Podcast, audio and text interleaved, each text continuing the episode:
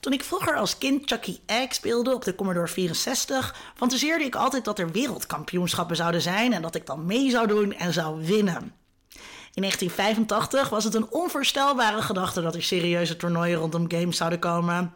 Maar mijn generatie is inmiddels groot en net als ik zijn games volwassen geworden. Die game toernooien zijn er gekomen. Je kunt wereldkampioen en stinkend rijk worden.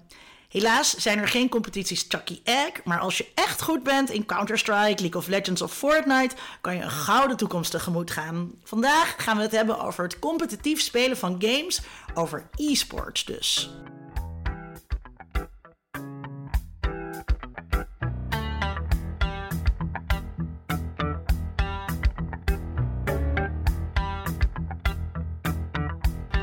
Vanuit Amsterdam is dit Onder Media Doctoren, de podcast waarin communicatiewetenschappers zich verwonderen over de media. De gamingsector blijft zich maar buiten het blikveld van de mainstream bevinden. Een tijdje geleden las ik een zeer terechte Twitter-rant van de jonge journalist Pim van den Berg.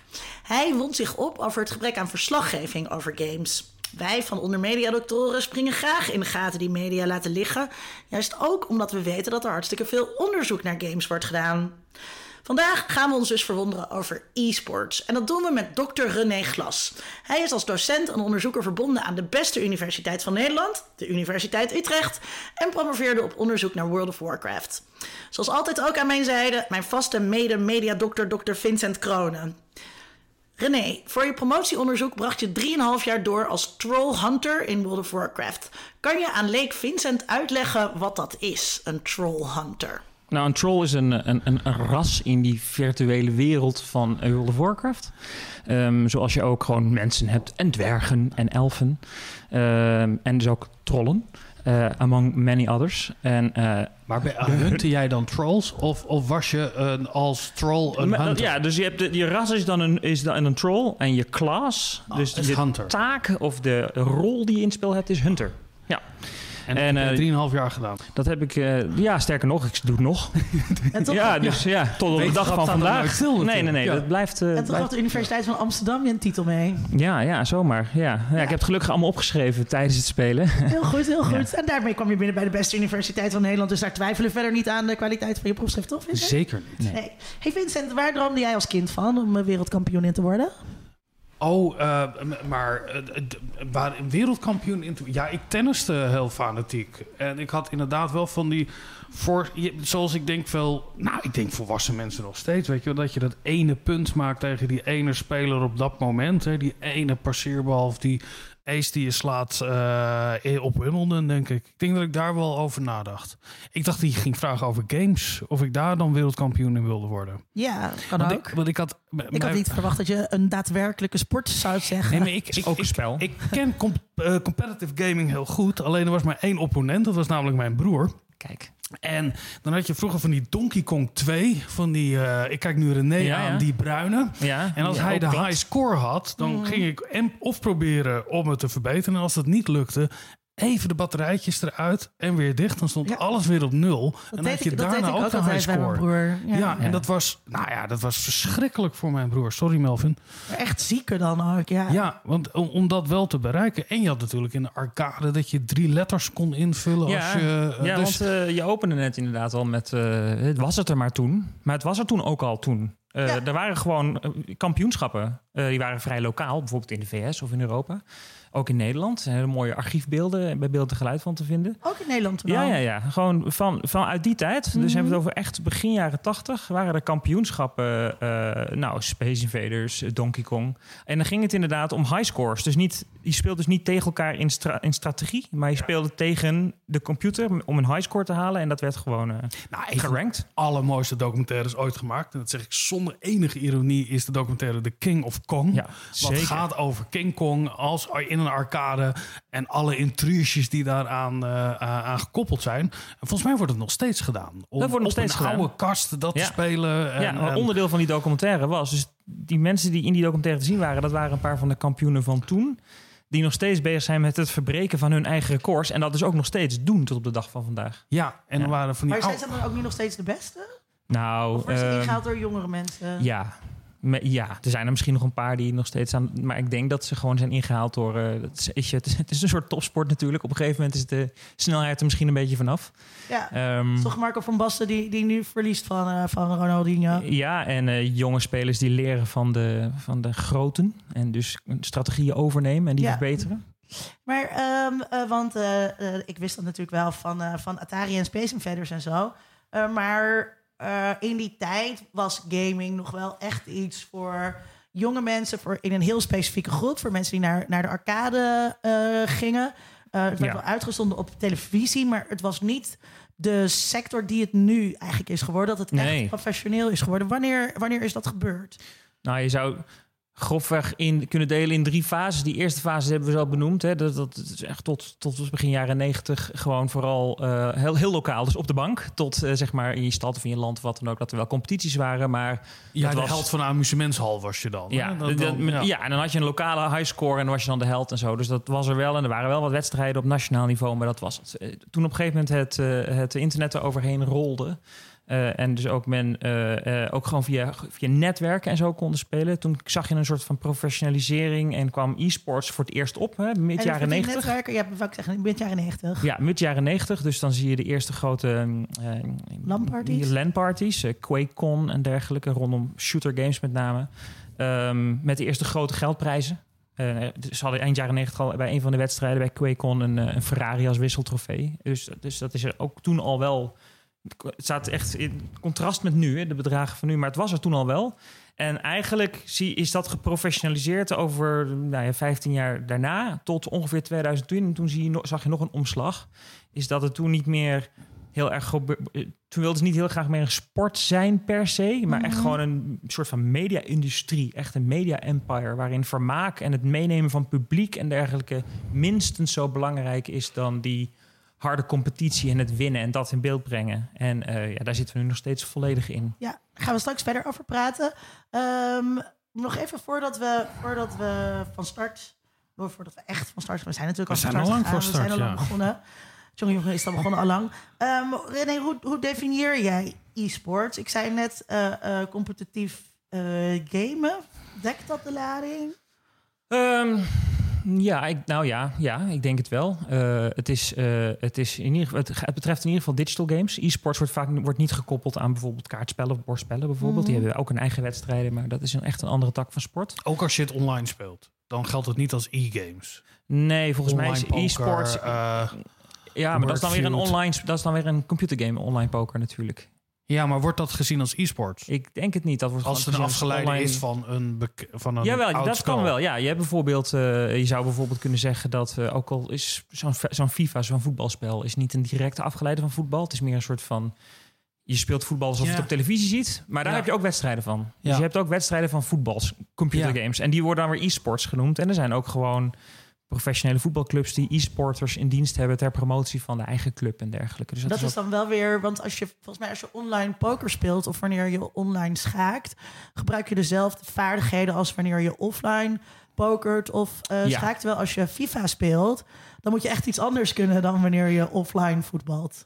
Ja, dat is, ja, voetballen heeft niets te maken met FIFA Precies, ah, 19 of zo spelen. Ja, dus dat, Ja. is een hele, dat is een hele andere vaardigheid. Ja. Ehm, ja, dus het is, het is, het is zeg maar een, een variant op sport, maar eh, en, en het is ook nog steeds fysiek. Ik bedoel, die mensen zijn er ook gesloopt van, weet je wel. Maar alleen Ja. eh, rugklachten, RSI, dat soort zaken.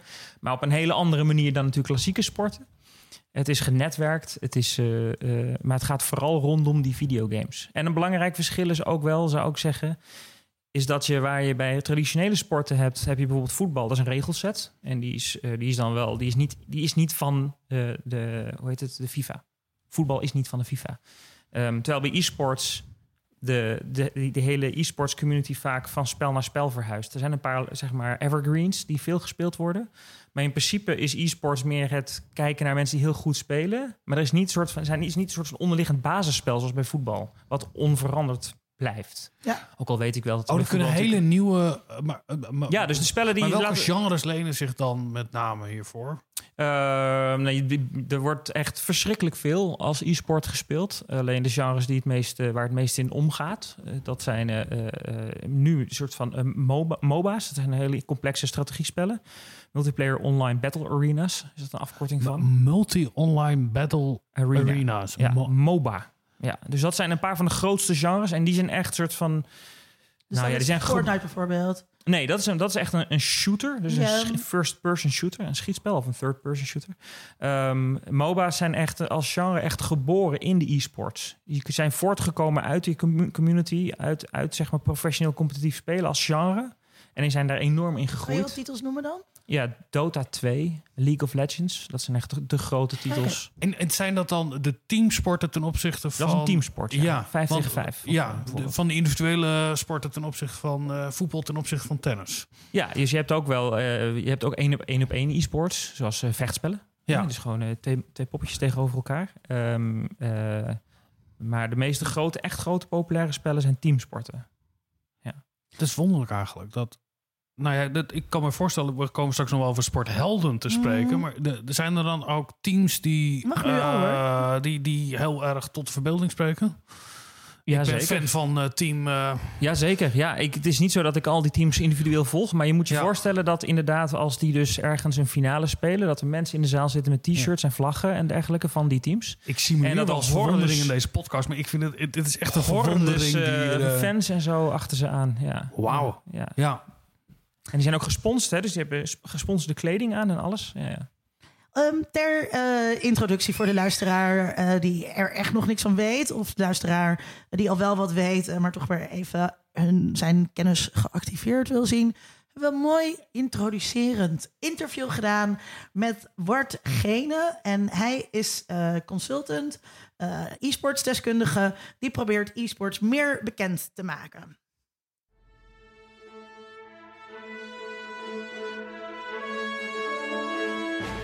Wat je vaak ziet als mensen het hebben over e-sports, is dat ze eh, gaming en e-sports door elkaar halen. En dat het voor mensen niet duidelijk is wat nou het verschil is. Hoe je het een beetje kunt zien, eh, al het gamen is recreatief gamen. Eh, zoals heel veel mensen doen hardlopen. Maar sommige mensen besluiten om mee te doen aan toernooien. En dan wordt het competitief gamen. En ja, dat is wat e-sports is. En wat heb je daarvoor nodig? Daar heb je een game voor nodig. Mensen eh, die dat willen spelen en eh, een scheidsrechter. Dus mensen die de regels handhaven. En wat je heel vaak ziet is dat er ook eh, ja, kijkers bij komen kijken. En dat maakt het dan ook entertainment. Dus mensen die naar een wedstrijd van gamen gaan kijken. Dus het verschil tussen gaming en e-sports is dat bij gaming gaat het over alles. Dat is met je vrienden op de bank gewoon een potje FIFA doen. Maar hebben we het over e-sports, dan gaat het puur en alleen over het competitieve, competitieve stuk. Om het nog complexer te maken heb je ook nog streamers, mensen die content maken, bijvoorbeeld op YouTube of op een platform als Twitch.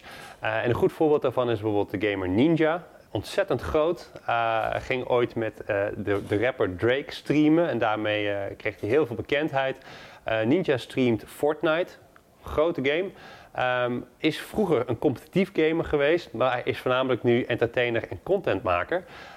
En doet dat dus met games. Dus je hebt eigenlijk een driehoek tussen contentcreatie, streaming, ehm, gamen gewoon als, als entertainment en ook competitief. Ja, het hangt een beetje van de game af die je speelt, of je in je eentje speelt of in een team. Vaak zie je wel dat mensen eh, die 1 tegen 1 games spelen, dus individuele, dus dat je bijvoorbeeld tennis is ook een 1 tegen 1 game in plaats van een teamsport, die hebben dan wel teamgenoten om mee te oefenen. Dus je maakt dan wel vaak onderdeel van een team of een organisatie, daar maak je van uit, Eh, maar je speelt dan niet samen de game.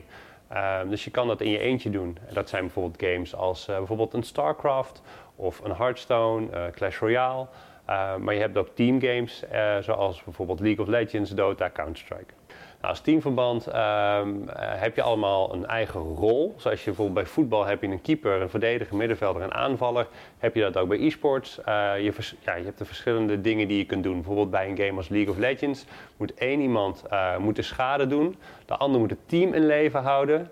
Dan heb je weer iemand die moet op de, aan de voorkant staan van het gevecht om een soort van alle andere spelers van de tegenstander tegen te houden. Zie het een beetje als een blokker in American football.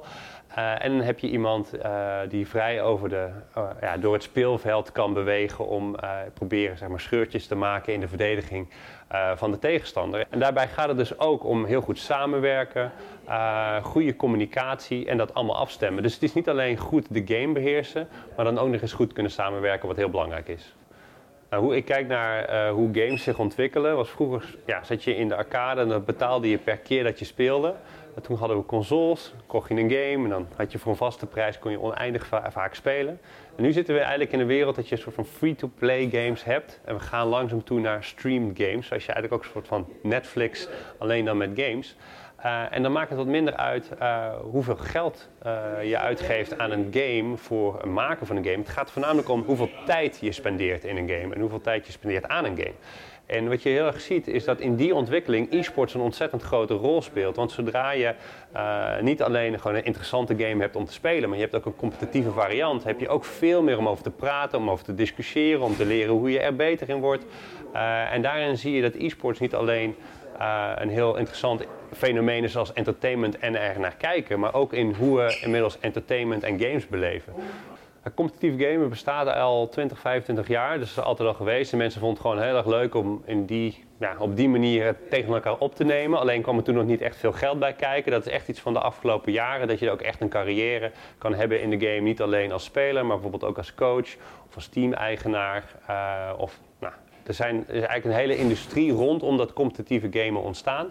Uh, ja, hoe groot is de kans dat je daarin doorbreekt? Die is ontzettend klein. Dus echt gewoon de top 1%, die kan echt fulltime rondkomen uh, van het gamen. Maar als je ontzettend goed bent en je traint veel en je komt op de juiste plekken terecht, ja, dan is de kans in ieder geval steeds groter dat het je lukt dan ten opzichte van vijf jaar geleden, omdat die industrie gewoon uh, groeiende is en er steeds meer geld beschikbaar komt om daar een carrière in op te bouwen.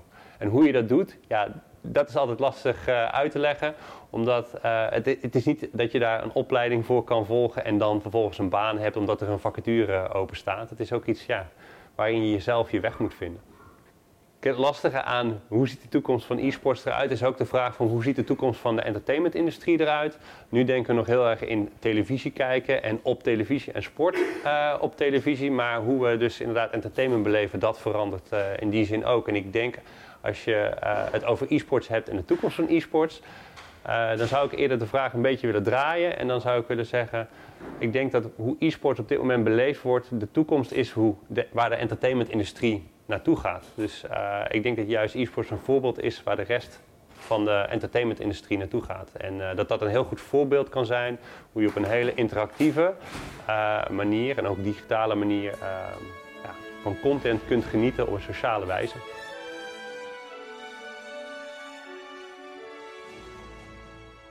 Sociaal van content genieten. Dat klinkt uh, veelbelovend en heel interessant. Er zaten heel veel elementen uh, ja, in dit kwam interview. Veel voorbij. Kwam heel veel voorbij. Uh, daar gaan we het allemaal over hebben. Um, eerst ben ik benieuwd, René, um, welke verslaggeving over e-sports is er eigenlijk? want we hoorden Bart Gene, hij heeft zelf ook gewerkt voor um, Radio 538 bijvoorbeeld, maar ook ja. voor YouTube-shows. is het allemaal in dat soort ja, jongere media, zeg maar, dat er verslaggeving is? Of zie je ook wel eens wat terug in de Volkskrant en NRC over die e-sports?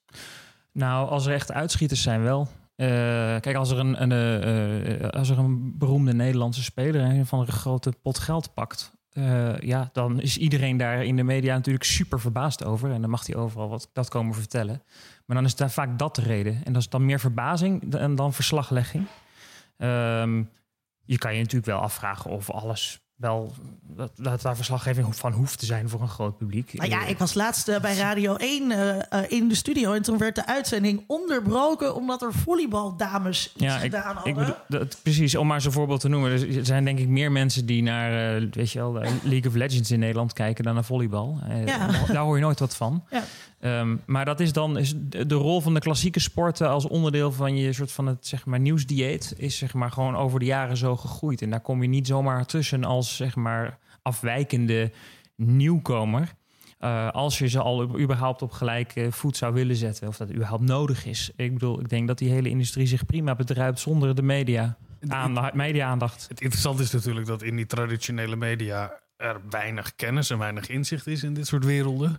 En dat die wereld zelf totaal niet geïnteresseerd is. of er aandacht is in de Volkskrant. Van Nou wat ze ja, wat, je wel zag, ik denk dat Ja. va- 10, 15 jaar geleden za- zag je dat wel, maar dan was het vooral vanwege erkenning.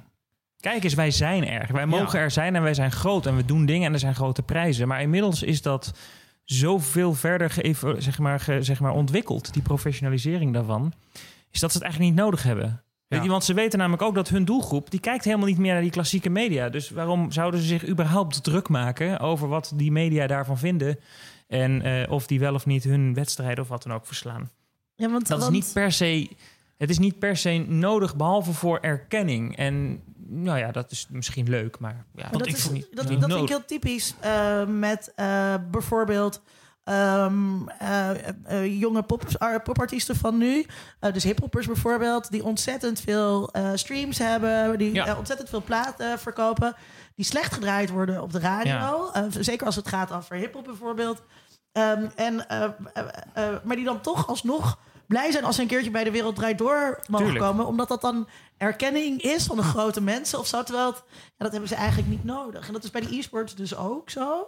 Maar misschien vind je het leuk dat je oom en tante ook weten wat je doet. En dat het wel belangrijk is. Ik denk dat het meer een platform van erkenning is. Dan dat je daar een bereik mee hebt dat, dat voor jou belangrijk is. Ja, die doelgroep weet wel dat het belangrijk is. Het Ja. is, het is met, dat is met die met soort van die soort van urban culture ook zo. Het Ja. is niet zo dat die geen niet genoeg. aan- Ik bedoel, de jongeren weten dat wel te vinden. Ja. Maar ik, het is er ook een, een bij opval bij sportjournalistiek is dat ze zichzelf altijd zo bloedserieus nemen als het over Ja. voetbal gaat. Is dat hoe ziet de journalistiek rondom e-sports eruit?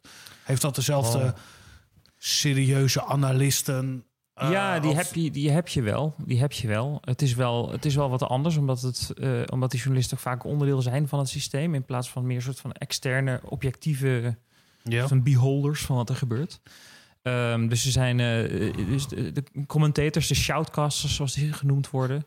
eh, die zijn dan bijvoorbeeld, die zijn gewoon in dienst van het. Shoutcaster. Ja, ja, dat is ook wel mooi. Het, het, komt, het komt van het feit dat toen dit begon, dit fenomeen, was YouTube en zo er nog niet. Ehm, maar ehm, eh, waren er opnames van die, van die wedstrijden er wel. Ehm, en werd het commentaar werd via audio opgenomen, via Winamp eh, en via Shoutcast software. en dit kon je er dan overheen luisteren. Als je dus de video aan het kijken was, of als je inlogt in het spel, zodat je alsnog een Oh. totaalbeleving kreeg. Ja, Vandaar dat de shoutcasters nu nog steeds shoutcasters genoemd worden naar de software die eigenlijk een audio-opname was. Dus het was eerst, het was eerst net radioverslaggeving, ba- basically. Maar je kon het spel terugkijken hoe anderen het speelden. En je kon, ja, je in kon, het spel zelf, met, eh, met het commentaar Ja, erbij. ja. Ja, eigenlijk wat ik ken van schaken, dat je, eh, ja... ja, dus als- dat soort, ja. dus eh, allerlei oplossingen eh, om dat toch maar mogelijk te maken. Dus Ja. zowel, zowel aan de kant van een soort van do-it-yourself cultuur, aan de kant van deze mensen van die, van die eerste soort van eh eh, LAN-parties en zo, die dachten van, er moet verslaggeving van zijn. Laten we dat Ja. doen via audio en dat doen we via Winamp en, en dat, weet je wel, dus daar komt dat vandaan. Dat kan je makkelijk distribueren via Winamp. Ja. Ja. dus had je dus geen zware internetverbinding voor nodig, geen streaming en zo, dat bestond er nog niet. Ja. Ehm, wie, wie, wie kijkt er precies naar eh, dit soort competities? Qua- doelgroepen. Want we hadden het net even over, over jongeren. Is, is, kijken alle jongeren? Is het een jongens ding? Nou ja, dat is, dat is weer een hele losse discussie, denk ik. Eh, Ja. De hele genderdiscussie. Ehm ik denk dat er een. Ik bedoel, er is, er is, niet, er is niet een soort van één unieke kijker van, van e-sports of professioneel spelen. En nogmaals, en dat kwam, kwam het in de video ook al naar voren. Het, het, het e-sports, dat is maar één deel van wat er allemaal gestreamd wordt. Heel klein deel. De rest is gewoon mensen die gewoon aan het spelen zijn. En daar kijken ook tienduizenden mensen naar. Ehm, maar ehm, de mensen die naar kijken, je- zijn allemaal verschillende groepen. Er zijn mensen die kijken omdat ze graag ooit ook zo goed zouden willen zijn. Er zijn mensen die naar kijken om ervan te leren om zelf beter te worden. Er zijn mensen die naar kijken gewoon puur omdat ze eh, het spel ook kennen en dus leuk vinden. En er zijn ook gewoon mensen die het op de achtergrond aan hebben als een soort van radio. Ja. Dus de, gewoon als tweede scherm.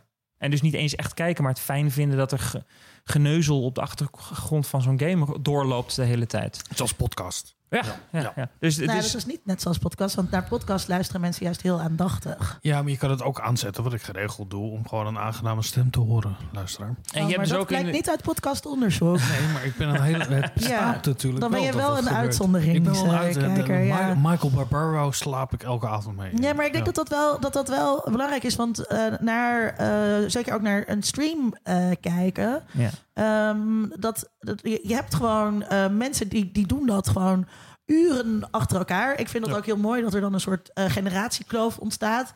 Met, met volwassenen die dat dan echt niet snappen. Terwijl, Ja. ja, weet je, mijn vader die, die kijkt naar schaatsen. Dat is me daar toch een partij saai. Dat is echt niet te begrijpen. 10 kilometer. En niet één mannetje dat 10 kilometer gaat schaatsen. Nee, een hele middag door. Terwijl bij zo'n stream gebeurt er natuurlijk veel meer. Ja, maar daar- ik denk ook schaatsen wordt natuurlijk wel aantrekkelijk door het feit dat je er dus non-stop commentaar bij krijgt. Over Ja. wat er gebeurd is, achtergrondcontext. Dat krijg je bij dit soort spellen ook. En dat was vroeger niet, en nu wel. En daarom is het ook wel spannender en leuker om naar te kijken. En daar, daar zijn ze ook veel beter in geworden om tijdens zo'n zo, zeg maar zo'n wedstrijd uit te leggen wat er gebeurt voor, voor leken. Terwijl je tegelijkertijd zeg maar gewoon de details zeg maar echt, echt weet wat er gebeurt. Zodat je echt op strategieniveau en heel erg in de diepte kan commentaar kan leveren. Dus voor ieder wat wils is daar waarschijnlijk al voor. Ja.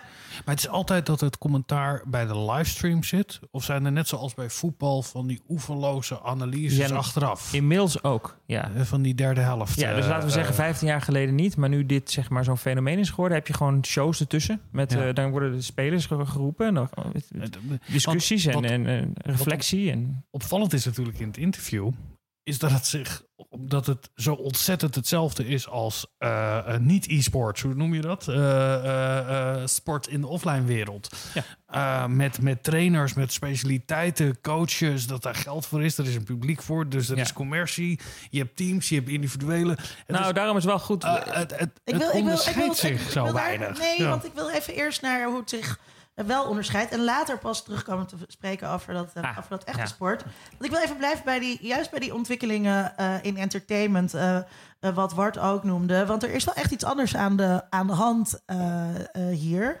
Ehm, je, je ziet dat mensen eigenlijk steeds meer blijven hangen.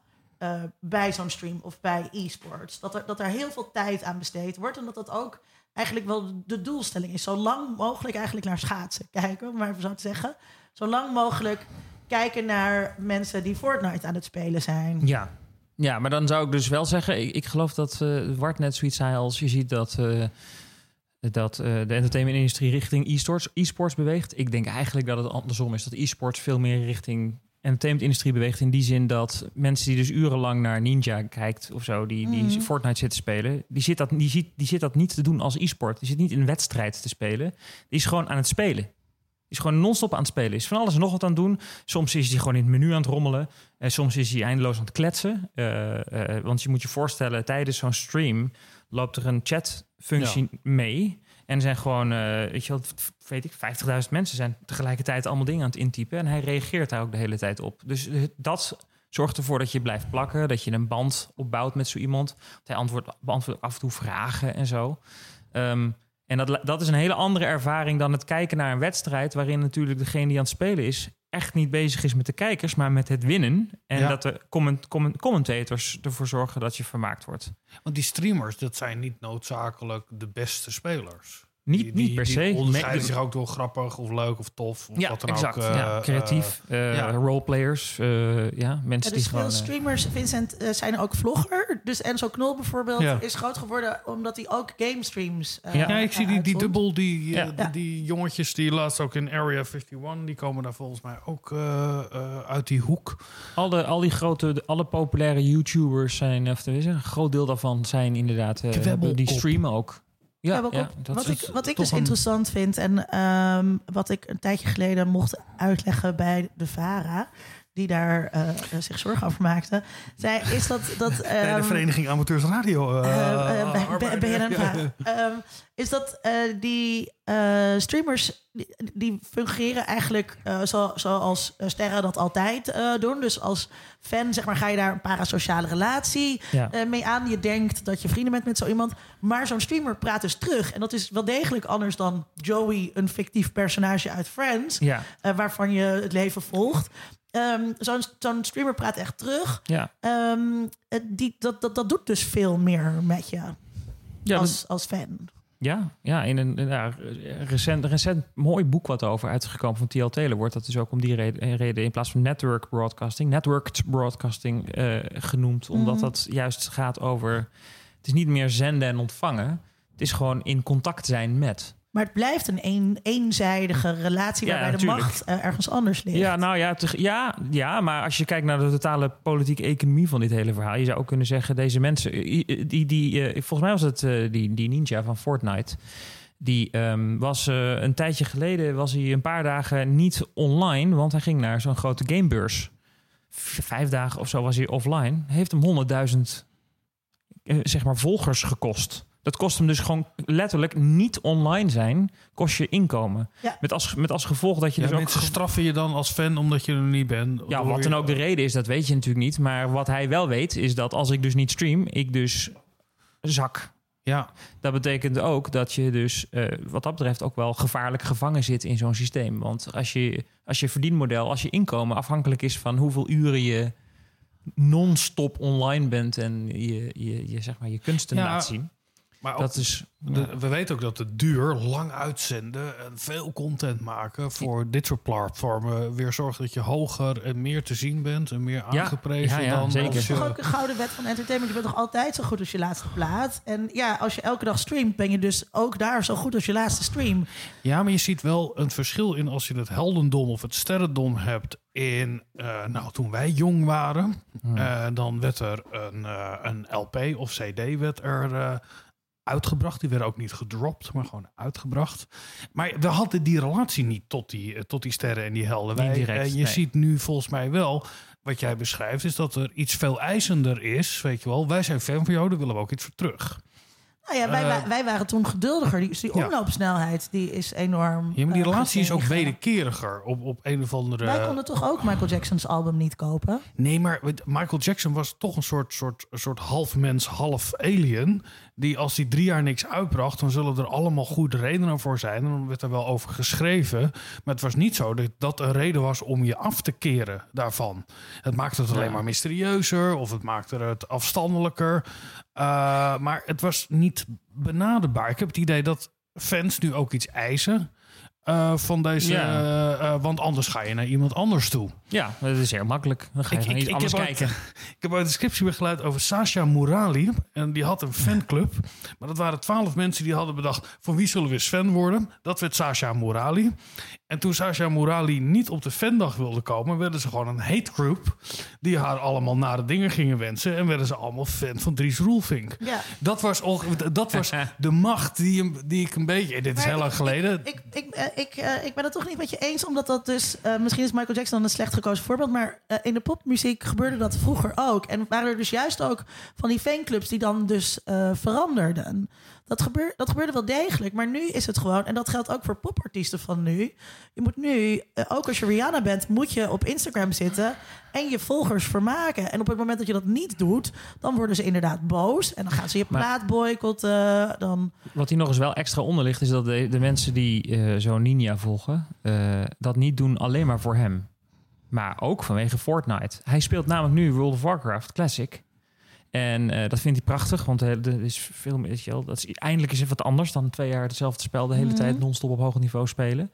Ehm, en er zijn nog steeds heel veel mensen die er naar kijken. Maar er zijn extreem veel mensen die zijn afgehaakt. Want die hebben zoiets van: "Oh, Hallo, dat is niet mijn spel. Ja, Dus het heeft niet eens alleen maar met hem te maken, maar ook het feit dat hij iets speelt wat zij toevallig, waar je toevallig fan van. Je bent ook fan van het achterliggende spel. Dus niet alleen maar van de streamer. ja. Dus wat dat betreft zijn hier micro-celebrities zijn heel erg gekoppeld aan datgene wat ze spelen. Ja. En zijn er een paar die soort van be- beroemd zijn geworden, juist vanwege ehm, een hele grote variëteit aan, aan- aan Mhm. games. Is iemand als PewDiePie bijvoorbeeld, eh, de nummer één. Eh, en een paar anderen die juist, die juist heel veel kleine games spelen en dat heel leuk doen. En daardoor zijn mensen benieuwd, goh, wat, wat, wat zal hij vandaag spelen? En anderen doen alleen maar Minecraft. Of alleen maar Fortnite. Of Ja. alleen maar, weet je, en als die iets anders doen in één keer, ja, dat is een, dat is een risico.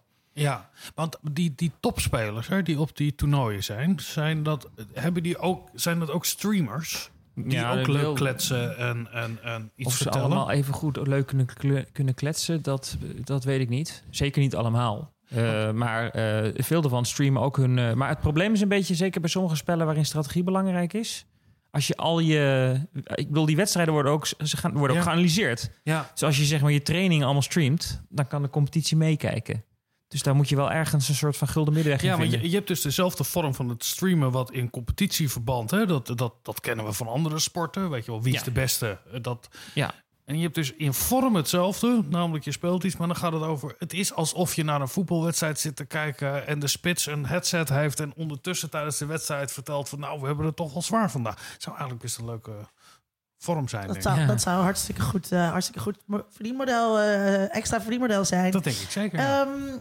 Ehm, je kunt eh, dus eh, meekijken met mensen eh, die goed zijn. Ja. Ehm, mensen maken ook van allerlei games eh, heel veel tutorials. Ja. Ik eh, heb mijn verslaving dit jaar was ehm, Stardew Valley. Wat ik heel Ja. veel gespeeld heb, waar je een boerderij start en dan ga je Jij mij verteld, ik ga hier nooit mee stoppen. Ik ga een heel seizoen volmaken, want anders gaan mijn kippen dood. En ik moet nog een, Ja. mijn hengel. Maar je hebt volgens mij toch deze wereld laten...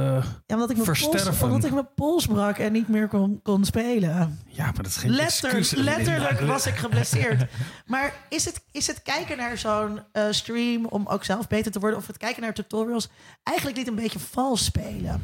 Ja, dat is een mooie. Ja, dat, ik, ik, ik hou deze discussie al vaak met studenten. Ik heb zo'n cursus waarin we het over regels en zo hebben. Ja, De vraag is of je vals kan spelen in je eigen spel. ja. Van wie, bij- tegen wie? Want je zou kunnen zeggen, vals spelen of cheating is, eh, is eh, iets ten nadele van een ander doen. Hè? Dus dan heeft een ander er last van, dus zodat Je jij moet beter iets wordt. afnemen, ja. Ja, Ja, ja. vind ik wel.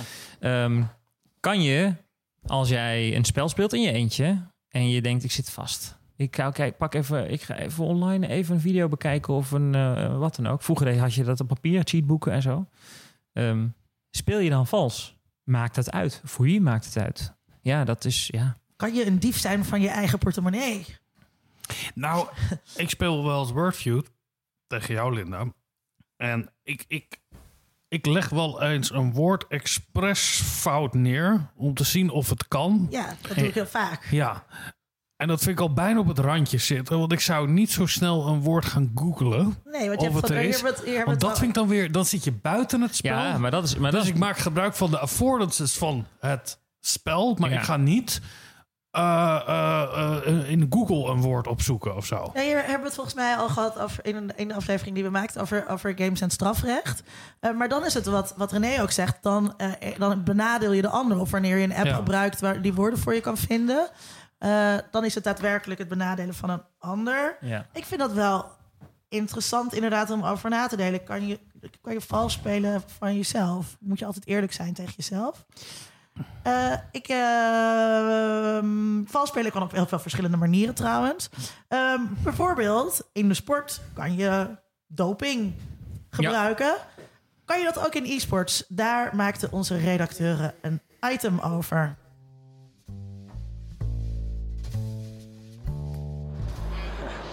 I don't even care. We're all on Adderall. Like, I don't, I don't even give a fuck. Met deze uitspraak heeft Cory Friese, oftewel Samvis, iets losgemaakt in de gamingwereld. De bekende gamer zei dit in een interview in juli 2015 tijdens een toernooi. Hij speelt professioneel Counter-Strike, wat een first-person shooter is. Friese claimde dat zijn hele team toen aan doping deed. It was pretty obvious, like, if you listen to the comms, like, I don't know, people can hate it or whatever. Tons Everyone, of people everyone do. does E- Adderall at ESEALN, right? Yeah. So, throwing that out there for the fans. Sindsdien zijn er bij een paar toernooien en organisaties regels over performing enhancing drugs. Maar voor de gamers die thuis spelen blijft het een mogelijkheid. Cafeïne, wat ook je prestaties kan verbeteren, is niet nieuw. Adderall is de equivalent van Ritalin en veel gebruikt door kinderen met ADHD. Adderall is in Amerika overal en makkelijk verkrijgbaar en blijft daarom aanlokkelijk voor gamers. What's going on, fellas? Hope you're all having a wonderful day. Back with another video. Today's video, we're talking about Adderall. So, yesterday, I took Adderall for the first time ever. Uh, I took it because uh, I had to do some schoolwork. I had to do like a lab report and a research paper and stuff like that. So, and it's banned in esports. I was like, why not just play some Fortnite while I'm on it, make a dope video. I took it while drinking a Red Bull, and I just like, I literally felt like Jesus while playing Fortnite. Now, actually, like, well, not fucking, it's not cocaine, but like, you get the idea. Friese blijft volhouden dat toen hij in 2015 uitsprak dat zijn hele team Adderall gebruikte, het juist hun prestaties verslechterde. Maar het feit blijft dat het je helpt concentreren. Het probleem met Adderall is, is dat het niet verboden is. Er zijn geen wetten of regels verbonden aan het thuisspelen van spellen onder invloed. Wanneer gamers professioneel gaan spelen, is het makkelijk om het dan niet te nemen. ISL, een organisatie die grote gametoernooien produceert en veel prijzengeld erin stopt, heeft zelfs een speciaal comité aangesteld om het dopingprobleem te onderzoeken. Ian Smith, deel van het comité, zei in 2018 dat ze meer dan 300 professionele gamers hebben getest tijdens evenementen, maar dat er toen geen dopingpositieve resultaten waren. Net zoals steroïden, supplementen en harddrugs die problemen veroorzaken bij Olympische sporten, zijn drugs als cafeïne en Adderall een probleem bij e-sports. Alleen is het minder zichtbaar en nog belangrijker, niet illegaal.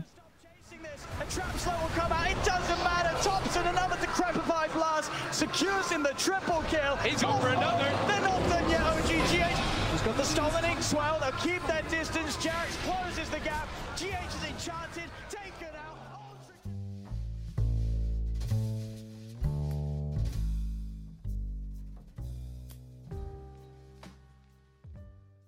René, zouden dit soort middelen verboden moeten worden? Wanneer?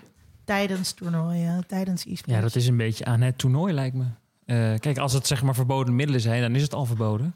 Ja, het is gewoon bij wet verboden. Ja, dan is het gewoon bij wet Ja. verboden. En eh, als een toernooi bedenkt, eh, een even playing field, en, die, en eh, sommige teams doen het wel, andere niet, dan kan je beter zeggen, doen we met z'n allen niet. Lijkt ook weer verdraaid veel op, op, op niet-e-sports. hè? Lijkt mij Dat- ook. Daar heb je ook gewoon Ja. competities. Je hebt in bodybuilding heb je een categorie de niet gecontroleerde en je hebt een categorie gecontroleerd.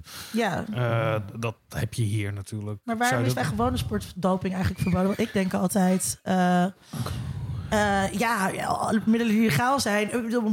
Je traint mensen op de beste manier. Je zorgt dat ze de beste outfits hebben om zo hard mogelijk te kunnen fietsen. Geef ze dan ook de beste eh, voedingsstoffen. maar de- die en de krijgen ze ook wel, toch? En, maar ook en de beste eh, legale Ja.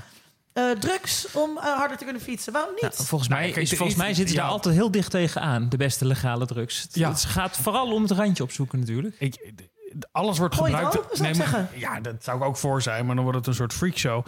Eh, eh, kijk, alles mag zolang het niet op die dopingslijst staat. En dat wordt Ja. ook gebruikt. Ja. Sterker nog, er zijn heel veel verhalen wat ik heel interessant vind, wat hier ook in werd gezegd, dat er allemaal drugs worden gebruikt die illegaal zijn, waar je eigenlijk geen voordeel aan hebt Nee. als sporter, maar in de veronderstelling dat je er voordeel aan hebt, al heel erg veel doet. Nou ja, hè, dat is eh, natuurlijk een bekend eh, fenomeen. Ja, maar zou jij zeggen, eh, geef het vrij ook? Laat ze, laat ze nemen wat ze, wat ze willen. Nou, wat ik interessant Of vind, vind je dat er hier ook een dopinglijst moet komen met dingen die dan niet zouden mogen? Nou, ik zou die vraag Misschien om de gezondheid van gamers bijvoorbeeld te beschermen. Nou, maar ik, ik zou hem iets breder willen Dat, trekken. dat, is, maar Dat is een goede vanuit zo'n organisatie. Als een organisatie dat hoog in het vaandel heeft, dan moeten ze dat gewoon doen. Gezondheid. Dat, ja, dat is toch Kijk, goed? die e-sports, die, die, die willen erkenning, tenminste zeker een aantal jaar geleden, Ja. door onderdeel te zijn van NOC, NSF. We hebben in Nederland hebben we een competitie wel, ja.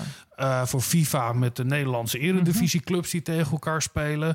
Eh, je ziet in de Formule 1 is natuurlijk heel groot eh, met die simulaties. Eh, Zikko zit daar heel erg achter met allemaal plekken waar je dat kan spelen. Ja, als je die acceptatie wil, dan wil je natuurlijk niet dat daar een soort freaks zijn die zwaar onder de doop het allerbeste spelen. Maar waarom Eh, zeg je freaks? nou ja, dat wordt dan het beeld natuurlijk. Als mensen daar zwaar eh, eh, onder de middelen dat gebruiken. Wat je net hoorde een beetje in het stuiten, item van mensen ja. die helemaal geagiteerd zijn. Ja, als jij allemaal bij- bijwerkingen die we kennen uit de bodybuilding, dat mensen verschrompelde kloten krijgen of agressie aanvallen of dat soort excessen. Ja, dat, dat wil je niet in je sport hebben natuurlijk. Maar die discussie over doping is een veel grotere discussie dan alleen e-sports. Wat, wat, Ja. wat ik interessant bij die e-sports vind, is dat het zich steeds stap voor stap eh, eh, geaccepteerd wordt binnen dat hele brede spectrum van de sporten die wij hebben. Ja, en ook in die pas gaan lopen zelf ook. Ja. Dus ze gaan ook er naar, ze gaan erop lijken. Hè, En in Ja, die, die stappen nemen ze dus echt heel actief zelf. Ja, Ja. en ze, ze lenen eh, bepaalde vormen. eh, Want ook dat, wat jij dan shoutcast, ik dacht Ja. even dat het iets anders betekende. Maar je ziet in American voetbal. Nou, bij American voetbal is heel duidelijk dat de commentatoren zijn het onderdeel van het entertainment. Hè? Ja. Die hebben niet van die. In Nederland, ik vind het onvoorstelbaar dat wij avondenlang televisie hebben waarin mensen een voetbalwedstrijd bespreken. Als ware het gewoon een of andere UN-top waarin dingen. Eh, maar waarin het bloedserieus en op zakelijkheid en twee bronnen gaat toch weg. Het is entertainment. Ik vind het ook bizar dat wij geen camera in een kleedkamer hebben staan. waarin je gewoon kan horen wat een trainer zegt. Kom nou, hè, je bent er gewoon voor het vermaak van het volk. Laten we nou niet in godsnaam doen dat het allemaal iets heel serieus is. Eh, eh, en je ziet dat die, die, eh, die e-sports maken daar gebruik van door het soort commentatoren te nemen die uit American voetbal komen. Ja, het is Die heel veel energie geven, Ja. die heel erg aanwezig en ontzettend veel eer geven. Hè? Elke wedstrijd is ongeveer de match of the century die aan het spelen is. Ja. En met heel veel data die er ook bij komt. Dat, dat, ik vind dat heel erg interessant. Om te, je ziet het bij de Formule 1. Hoe, eh, want jij zei eerder dat eh, het de gesimuleerde vaardigheden, of de vaardigheden die je moet hebben bij een simulatie, hoe die zich verhouden tot de echte sport, zeg maar. Je ziet bij Formule 1 gaat dat heel erg hand in hand. Dat je eh, coureurs hebt die echt dag in dag uit aan een, in, in zo'n simulatie zitten. En dat het ten behoeve is van degene die echt het circuit opgaat. Sterker nog, dat er nu eh, gezegd wordt dat er jonge jongens zijn, 22, 21, die zitten in een Formule 1 auto. En oudere coureurs zeggen, ja, die, deze jongens kennen het gevaar helemaal niet. Want die kennen alleen maar die gesimuleerde omgeving. En die kan je bijna, nou ja, vanuit die simulator in een auto zetten. En het waait wat harder en je voelt die G-krachten harder. Maar voor de rest, technisch gezien, de baan die je moet rijden. Dus ja. als je hardop gaat nadenken over hoe gaan deze... Ik denk dat het eerder de vraag is, hoe gaan deze werelden in elkaar grijpen? Vervloeien met elkaar? We zien natuurlijk nu al bij live sports... eh, als je voetbal ziet, is er heel veel ingrepen die we uit de gaming kennen. Eh, Ik ga, even, ik ga je heel even over- onderbreken, want René wil ook volgens mij even reageren op alle 16 dingen die je net hebt gezegd. Mm. Eh, Oh, eh, over die eh, eh, verslaggevers. Eh, en dat daar, eh, dus wat Vincent zei, van, die zijn meer zoals American Football-achtig. Die zijn een beetje meer opzwepend, zijn waarschijnlijk ook vaak met z'n tweeën. Ja.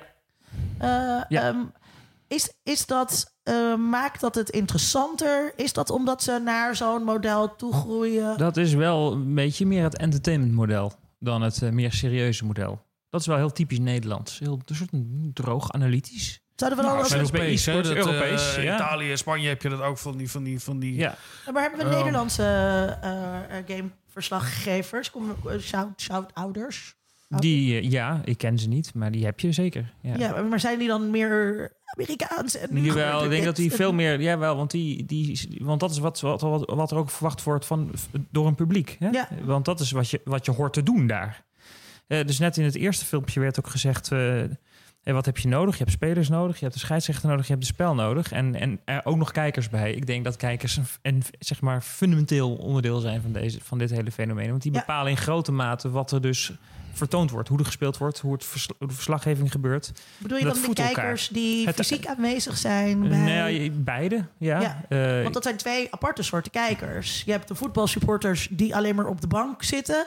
En je hebt de voetbalsupporters die daadwerkelijk naar het stadion gaan en daar de sfeer eh, maken. Ja, ik weet niet of je bij e-sports, die zei je vast, heb je die waarschijnlijk ook wel die hun teams achterna reizen en zo. Maar het is meer dat, dat, meer, dat wordt gezien als een leuk uitje als er een finale is ergens. Dat mensen daarheen gaan in plaats van dat ze hun eigen teams helemaal door, over de wereld heen volgen.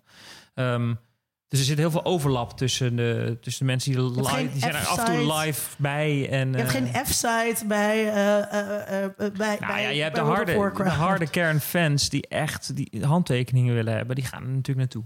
Ja, En de overgrote merendeel zit thuis. En, en st- streamt, eh, kijkt mee live. Ja. Of kijkt het achteraf natuurlijk. Een opname ervan. Ja, Vincent, weet je nog waar je punt heen ging net? Dan mag je weer verder. Nou, ik, die versmelting van, eh, van die digitale omgeving en wat Ja. je live sports, Ja, dat ja, zie ja. je nu heel erg. eh, de wedstrijd die je op televisie ziet bij voetbal is een hele andere dan dat je in het stadion ziet. Eh, ik weet niet of je wel ben je wel eens naar een voetbalwedstrijd geweest? Eh, ik, ben, ik ben één keer eh, inderdaad naar Ajax geweest. En toen was ik totaal verbaasd dat, er dus geen commentator in het stadion was. En geen herhalingen. En je ziet Hoe eigenlijk. hoe- hoe moest ik nou niet, weten wie nee. de bal had? Het is bloody duur om daarheen te gaan. Ja. Nou, vroeger moest je nog drie arena's kopen met een eenheid die je niet begreep. om eh, daar nog een biertje of een, eh, een, een, een frikandel te halen. Ja. Eh, je, je ziet spelers maar vanuit één perspectief. Het is moeilijk te volgen. Als je, Eh, als je, niet kan je auto bent, niet kwijt en je moet naar. Zuidoost.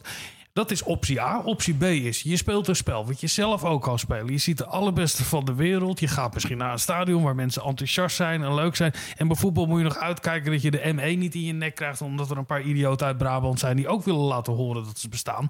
Kom, maar- wat? Ik ging een bruggetje maken, maar ja, ja, Oh. Ja, maar als je één van je mond dicht houdt, Vincent, dan eh, had ik, Deze, had ik een bruggetje kunnen maken naar eh, ergens fysiek bij zijn. Hey podcastfan, wat doe jij op 28 september? Kom naar het Podcastfestival. Een dag vol workshops, liveshows, panelgesprekken en nog zoveel meer. Wereldberoemd podcastproducer Tim Howard van Reply All geeft een keynote en je kan meedoen met een pitchwedstrijd. Stuur jouw podcastidee voor 20 september in en wie weet maak jij binnenkort je droom waar. Kom op 28 september naar de Tolhuistuin in Amsterdam. Meer weten? Kijk op podcastfestival.nl. Ja, dat is dus hartstikke, hartstikke leuk. En eh, waarschijnlijk is er geen ME bij, bij het podcastfestival. Maar dat weet je niet. Ook daar, ook Dat- daar kan het eh, uit de hand. Ja, eh, ik wou- mijn dat punt ligt aan de luisteraar. Ik was nog bezig mijn punt aan het maken. Zou er een punt komen dat eh, die e-sports Ja. eh, eigenlijk veel aantrekkelijker zijn om eh, je bij aan te sluiten, om fan te zijn, om naartoe te gaan, om te volgen? Raken die, die, die, die, die oude sporten in een stadion en wat dan ook? Is er een soort verdringings ah, mechanisme wat zou kunnen ontstaan? Ik denk dat de versmelting, versmelting meer zit in de manier van verslaggeven. Wat je bijvoorbeeld bij voetbal al wel ziet. Voor zover ik voetbal wel eens kijk. Dat is niet zo heel vaak. Maar dat is software die ze gebruiken voor de analyse achteraf.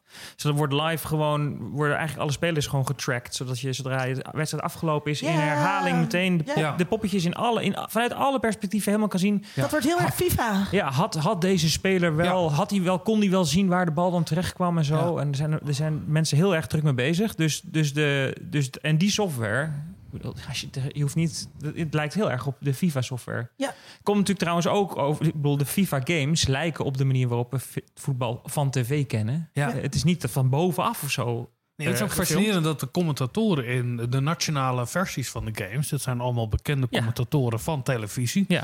Maar het moet er op termijn mogelijk zijn dat er gewoon een, een automatisch gegenereerd commentaar komt op een wedstrijd. Daar heb je toch geen commentatoren meer voor nodig? Ja, maar dat is nu al wel zo. Dus de, de, de- de- wat je nu hoort, dat is wel, dat wordt on the fly gegenereerd door het spel. Ja, maar bij, gewoon- bij echte wedstrijd heb ik het over. Oh, bij echte wedstrijd. Ja. Ja. dat je het gewoon AI laat oplossen. Ja, want je- ik, hoor, ik, echt ah, ik hoor alleen maar generieke mij- opmerkingen bij voetbalwedstrijden. Als, eh, nou ja, de strekking altijd, je moet zorgen dat je één doelpunt meer maakt dan de tegenstander, dan win je. En alle varianten daarop. Ja. En als er even niks gebeurt, dan worden er generieke weetjes over het andere land eh, verteld. Die vaak ook stereotyp en racistisch zijn. En Ja. dat kan AI ook heel makkelijk aanleren. Eh, ja, of afleren dat je dat gewoon programmeert, dat je dat niet doet. geschreven sportverslaggeving is wel een van de eerste sectoren waar journalisten vervangen gaan worden door robots omdat ja, gewoon het, het persbericht genereren, weet je wel, eh, dat Ajax eh, met 3-1 heeft gewonnen van Feyenoord. Nou ja. Met een doelpunt in Tegelijk- de 73 ja. minuten en nog een... eh, Tegelijkertijd, wat mij altijd opvalt als je op teletext kijkt naar het nieuws, gewoon iets over Hmm. bijvoorbeeld de situatie van Brexit, dat is gewoon gordroog objectief opgeschreven. Maar als je kijkt naar een verslaglegging van een wedstrijd,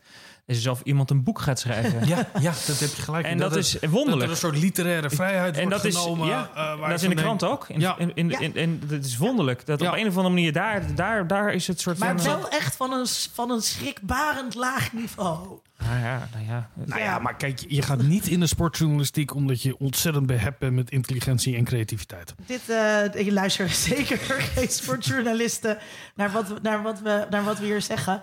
Ehm, we, we- we waren bezig over, eh, over die relatie met, eh, met echte eh, sport. Ehm, eh, eh, eh, eh, je zei ook al, er zijn dus verschillende rollen.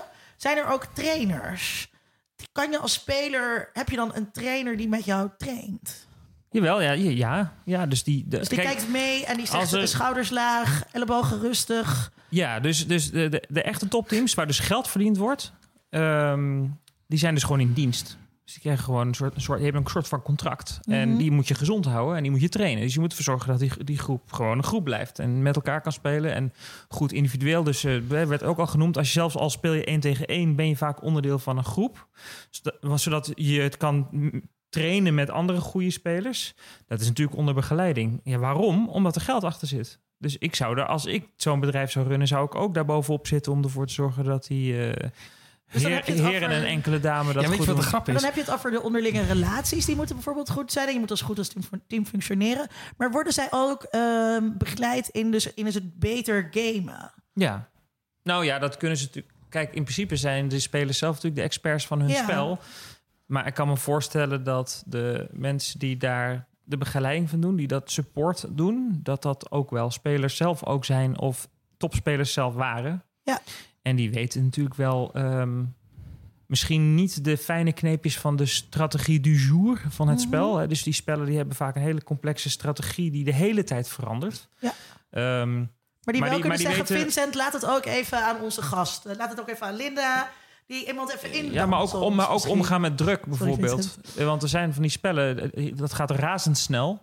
Als er iets gebeurt wat in één keer zeg maar, in je nadeel is, om dan niet te glippen Ja. en het hoofd koel te houden en gewoon door te spelen, omdat je weet als ik Eyes gewoon... on the prize. Yes, Ja. da- dat bijvoorbeeld, dat moet je ook gewoon natuurlijk leren. Eh, en daar, daar, daar, hebben- ze ongetwijfeld eh, Ja. goede begeleiding. eh, Niet overmoedig zijn. Ik, ik ben ervan overtuigd dat de eerste echte topatleten die eruit voort gaan komen, eh, de kinderen zijn van mensen die nu net niet halen. Maar jij zegt, de Mm. eerste echte topatleten die eruit voor zijn gekomen, maar die zijn er dus al. Ja, maar ik denk dat het niveau nog beduidend hoger wordt op het moment dat er met name vaders zijn die eh, eigenlijk e-gamer wilden worden. Dat nooit gered hebben en dan al hun frustraties op hun zoon of dochter gaan lopen botten. Dat Nee, heb je met schaken, dat heb je met Formule 1. Dat zo'n heb je arm met kind dan al vanaf het Die tweede... moet dan alle mislukte mogelijkheden. Hoeveel vaders hebben wel niet een Ajax 2 gespeeld? Of Ja. een oom of wat dan ook. Maar Eh, wat je dat dus, hebben we nodig. Wat, wat je eh, aan het begin, het, het was Wart geloof ik, uit in het eerste fragment noemde ook dat het 1% of zo, die wordt dan professioneel. Volgens mij is dat veel lager dan 1%. En dat leek mij ook.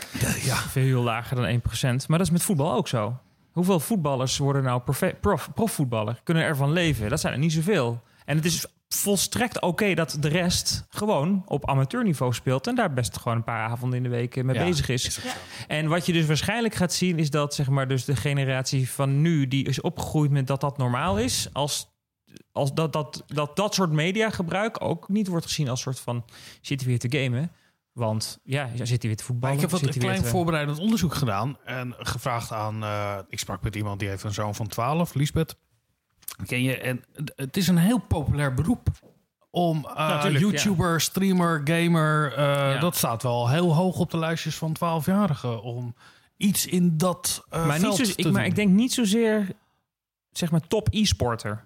Nee. Nee. Maar wel Ja, misschien meer de, in de, de, de, vlogger, de- influencer. vlogger, Ja. influencer, streamer, eh, YouTuber, let's player, eh, al die, al die zeg maar eh, termen. Zit daar ook meer geld? Eh, Want er is zit- dus, je kunt als, als, eh, als e-sporter of als e-gamer eh, ehm, prijsgeld winnen van zo'n Ja. eh, toernooi. ja, Maar als streamer heb je, eh, kan je een heleboel dingen doen om geld te verdienen. ja. Kan je daar wat meer over vertellen? Wat, eh, wa- waaruit die verdienmodellen exact bestaan?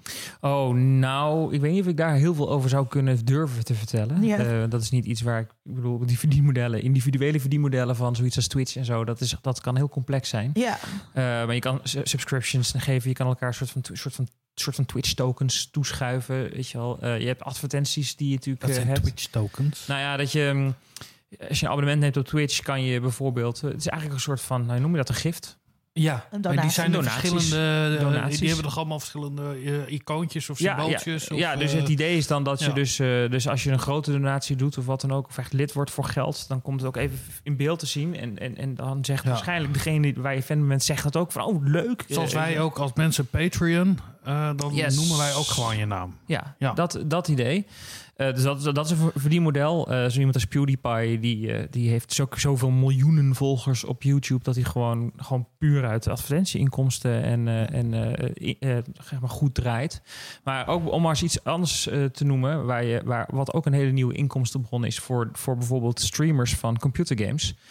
Die hebben volledig het advertentiebudget weggetrokken bij de bladen en de websites die schrijven over games. Omdat het veel interessanter is voor een publisher om zo'n influencer hun nieuwe game te laten spelen en daar een beetje geld voor neer te leggen. Dan een advertentie in een tijdschrift bijvoorbeeld. Ja, want je stuurt ook niet je nieuwe game of maakt het niet beschikbaar aan een kritische journalist. Maar nee, maar gewoon iemand die het gewoon voor de, leuk, eh, eh, voor de leuk speelt. En het was, dat, weet je, daar is wel wat opheffen over ontstaan dat het niet helemaal duidelijk was of inzichtelijk was. Of iemand het nou speelde omdat hij het had gehad voor geld. Of dat hij het speelde gewoon wat hij het leuk vond.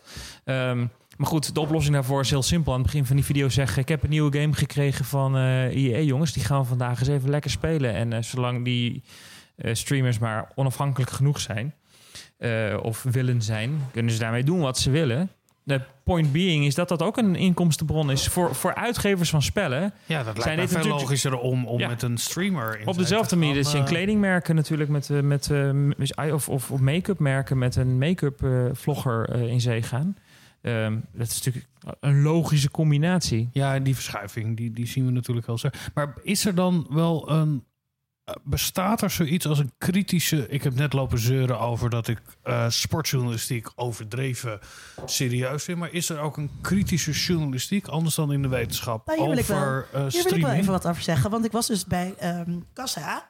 Eh, eh, en eh, dat, Ja. dat ging Voor de jonge over... luisteraar, dat is een televisieprogramma. Nou ja, dat, dat ging dus over, eh, over dat doneren. eh, eh, omdat Kassa zich daar zorgen over maakte. eh, omdat heel veel minderjarigen dat doen. Dus die minderjarigen, dus het zijn gewoon kinderen vaak. Hè, Ja. dus 11, 12, 13 eh, jaar. Die kijken, dit zijn hun helden. En hun helden zeggen tegen, tegen een zo'n stream... zeggen ze, je zou me fantastisch helpen... als je een klein bedrag kan overmaken. Dan kan ik weer een betere camera kopen. Dan kan ik weer dit doen.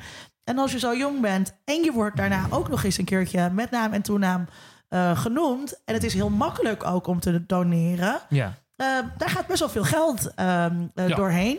Dat, eh, dat, eh, dat is terecht, zeg maar, dat Kassa zich daar zorgen over maakt. Het is terecht ook dat Kassa daarin dook.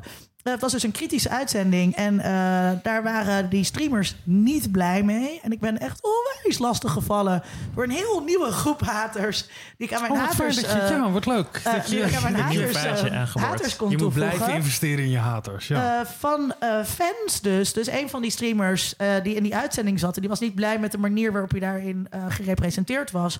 Die had daar een heel lang eh, vlog van eh, gemaakt. Dus die was die uitzending eigenlijk een soort gaan streamen. Dus gaan commentariëren en, en weet ik veel wat. Oh ja. En toen ging Close dus die... reading. Een Close reading, ja. Dus die, en die fans die werden dus vervolgens heel erg boos. Omdat het dus ook niet de bedoeling is dat, je, dat, dat daar kritisch naar gekeken wordt. Dus ik denk dat je wel uitkijkt eh, als eh, sportverslaggever. Omdat je dan dus gewoon, eh, als je sowieso ook als je iets kritisch zegt over PewDiePie. Dan eh, eh, krijg je gewoon miljoenen mensen over je heen die je haten. Dit zijn mensen met ontzettend veel macht ook. Ja, denk je dat het de, de aantal volgers het onmogelijk maakt om kritisch... Want als je, nogmaals die vergelijking... als jij een, een topvoetballer bent, heb je heel veel fans... Maar, Maar toch is het niet zo als, als een speler slecht speelt... dan wordt er in de kritische journalistiek wordt gezegd... hij speelde slecht. Dat is niet Nou ja, dan- maar dan, dan eh, als, nou ja, als je in het stadion bent, dan word je dus uitgejouwd. Hè, dus dat, dat spreekkoren Mhm. kunnen heel erg heftig eh, zijn voor, voor spelers. Ja.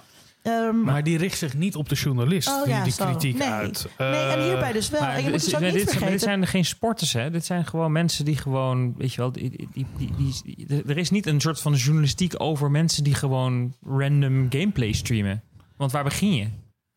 Waar, Ja, maar waar, dat- waar- wat voor verslag is dat? Ja, maar het is op zich bijzonder. eh, en dat is denk ik wel een. een, een, een dat eh, ik wilde bijna zeggen vroeger, maar je had heel, heel veel vermaak, of het nou voor kinderen was Ja. of voor eh, waar wij eh, als, als tieners naar keken. Daar werd wel naar gekeken, altijd met zorg, of Ja. was dat al wel goed, of kindertelevisie, of een spelletje, of zelfs een bordspelletje werd becommentarieerd. Maar dat er nu iets is waar kinderen zich mee vermaken, Ja. jonge mensen, wat zich helemaal onttrekt aan, Ja, dat is een groot probleem. kritische visie erop. Dat is. eh, Nou ja, er is wel een kritische visie op, maar die is vaak niet gebaseerd op enige kennis van zaken. Dat is meer gewoon echt van een, van een veilige afstand zo doen.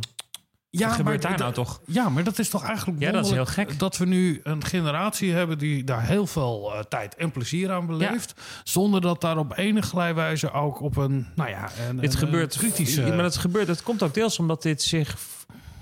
Voor het eerst is er zo'n groot mediafenomeen... wat zich helemaal afspeelt buiten de klassieke media om.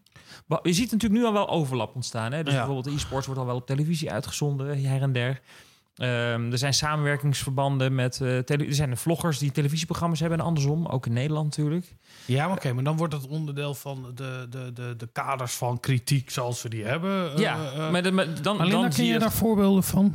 Van, van dat nu eh, jonge mensen, 12, 13, 14, ergens heel veel tijd aan besteden, wat zich volledig aan welke kritische beschouwing onttrekt. Er is geen journalistiek over. Nou, ja, maar- maar- eh, ja, die kritische beschouwing is er wel en die journalistiek is er ook wel. Alleen die is dan vooral, ik bedoel, er, is, er wordt heel veel over games geschreven, ook heel kritisch over games geschreven Ja, als- binnen, binnen, binnen niet- die gamecultuur. Maar niet van die streamers die die games spelen. Ja, misschien Ook. als fenomeen wel. Jawel ja. hoor, ja. Ik Ja. denk dat eh, de, de, de grote, wat meer kritische websites eh, die zich hierop richten, die hebben ook aandacht voor, eh, voor eh, zeg maar, eh Nou ja, maar het is dus rondom beroemde, zeg maar, influencer, eh, zeg maar, streamers. Maar dat is, dat is natuurlijk de hele reden waarom Gamergate eh, is begonnen.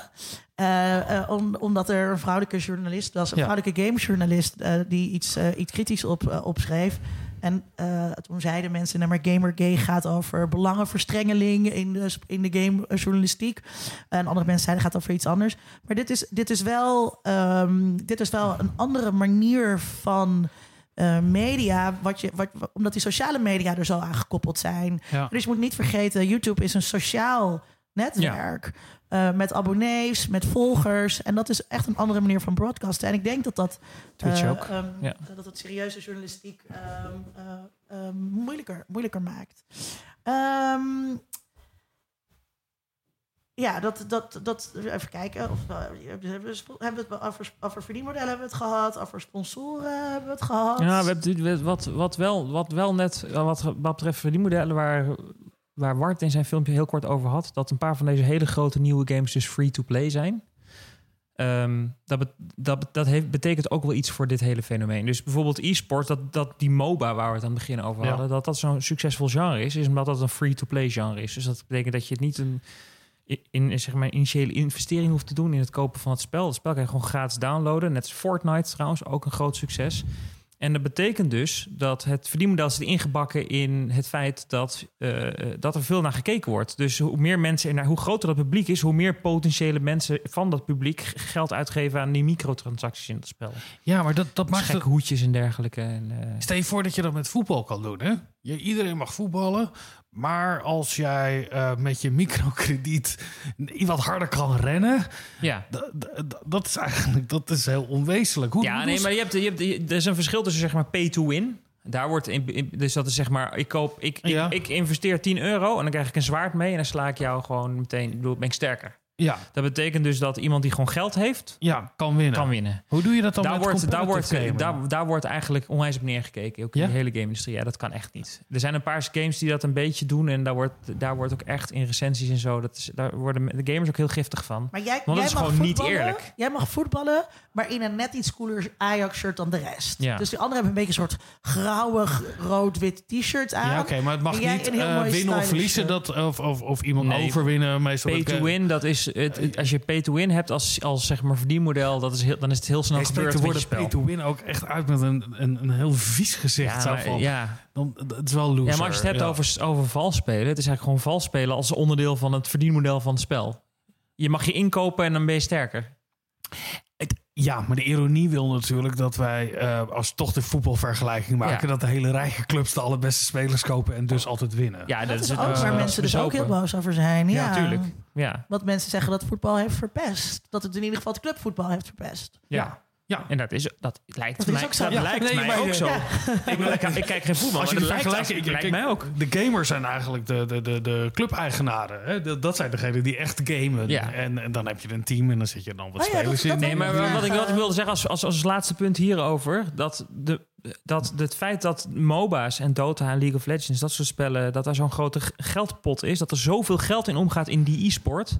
heeft gewoon één op één te maken met het verdienmodel van dat spel. En niet zozeer omdat het per se zo, zo spectaculair populair is. Dat is het ook... Maar het verdienmodel zorgt ervoor dat er in één keer zo'n enorme spike zit Ja, in e-sports inkomsten. Dus als, dat, als, zo'n als een paar van dat soort spellen omvallen, zal je ook meteen een soort van zeg, enorme duik zien in het geld wat erin omgaat. Omdat het gewoon in dit geval direct aan elkaar gekoppeld is. Natuurlijk is er een grote geldpot bij de finale van een of andere Fortnite eh, League. Want het is in het voordeel van de makers van Fortnite dat zoveel mogelijk mensen kijken en meer gaan spelen, zodat er meer mensen, et cetera, et cetera. Ja. En nog één vraag die ik daarover had, over die verdienmodellen. Is, eh, kan je ook transfervrij zijn en kan je opgekocht worden door een ander team als, als e-sporter? Nou ja, je hebt wel. Volgens mij is eh, zo iemand als Nia is net over van, eh, van Twitch naar het platform van Microsoft. Nou, dat was een hele, dat was een hele toestand. Want dan moet je dus als spelers moet je dus, of als ja, publiek moet je dus mee naar een ander platform. Moet je al je volgers... eh, ja, ja, ja. Eh, eh, of, daar moet je of- wel Jay-Z voor zijn, wil je dat kunnen poelen. Precies, eh, ja, of, er, of, ja, of er gewoon maling aan hebben en het wel oké vinden. weet je Ja. wel. En kan je, als, kan je ook een virtuele speler zijn waar eh, gewoon die als computer speelt, zeg maar, tegen elkaar?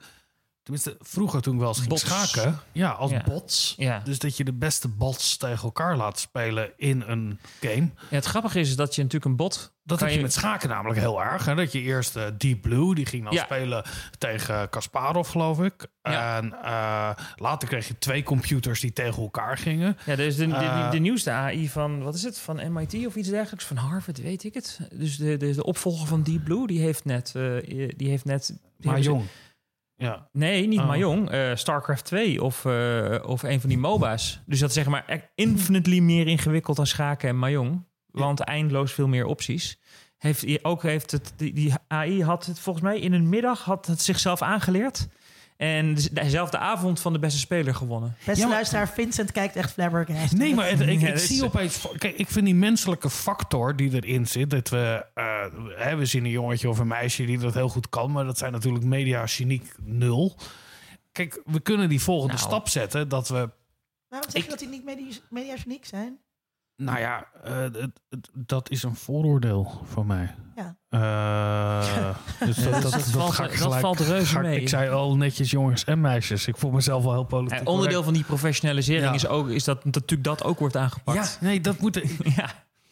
Nee, want als je een, zeg maar, echt bots tegen elkaar laat spelen... Johan daar Cruijff gaan we met z'n allen naar kijken. Johan Ja. Cruijff was aan het begin ook niet zo mediageniek hoor. Dat is waar, dat is waar. Dat is waar. Ehm, wat, eh, wat, eh, wat, verwachten we, wat verwacht je voor de toekomst? Ehm, gaan we ehm, in... ja, wat, wat gaan we in de toekomst doen met die e-sports? Nou ja, ik denk dat dus e-sports gewoon. wa- Waar je zoals eh, 15 jaar geleden was e-sports, dat was het. Dat ging je kijken als je naar gaming ging kijken online. En dat dat nu gewoon een van de verschillen- verschillende smaken is van het kijken naar games. Is dat is denk ik waar we wel echt heen gaan. Dat je dus niet meer per se games gaat kijken omdat som, om die spelers zo ontzettend goed zijn. Dus echt het absolute topniveau. Om daarvan te leren of wat dan ook. Maar gewoon, en dat doen we al massaal, miljoenen tegelijk. Gewoon kijken naar mensen die aan het spelen zijn en daar gewoon leuk overheen praten. En daar kan je mee kletsen en dergelijke. Als een Als je soort vroeger van. ook bij de flipperautomaat eh, stond... en dan hoef je Ja, niet per se dus dat- wereldkampioen flipperen te zijn... maar gewoon die ene gast in de kroeg die heel goed is. Ik was, ik, ik zat, ik was vanmorgen, vanmiddag even ingelogd in. eh, dus er is een, nieuwe versie van, van World of Warcraft uit, World of Warcraft Classic. En al die grote streamers naar overgestapt. Brak in één keer, een 15 jaar oud spel. Ehm, is er nu opnieuw uitgebracht in zijn oorspronkelijke staat. Ehm, nu wordt het dus in één keer door al die streamers gespeeld. Waardoor je dus eigenlijk basically, als je, dus, als je zo'n streamer, dus je kan natuurlijk gewoon kijken waar is die. Dan kan je erheen gaan met je poppetje. En dan eh, moet je je voorstellen, er komt zo'n zo'n poppetje in die virtuele wereld aanlopen. En dan moet je je voorstellen dat er dus eigenlijk een virtuele camera achteraan vliegt met zeg maar 60.000 kijkers.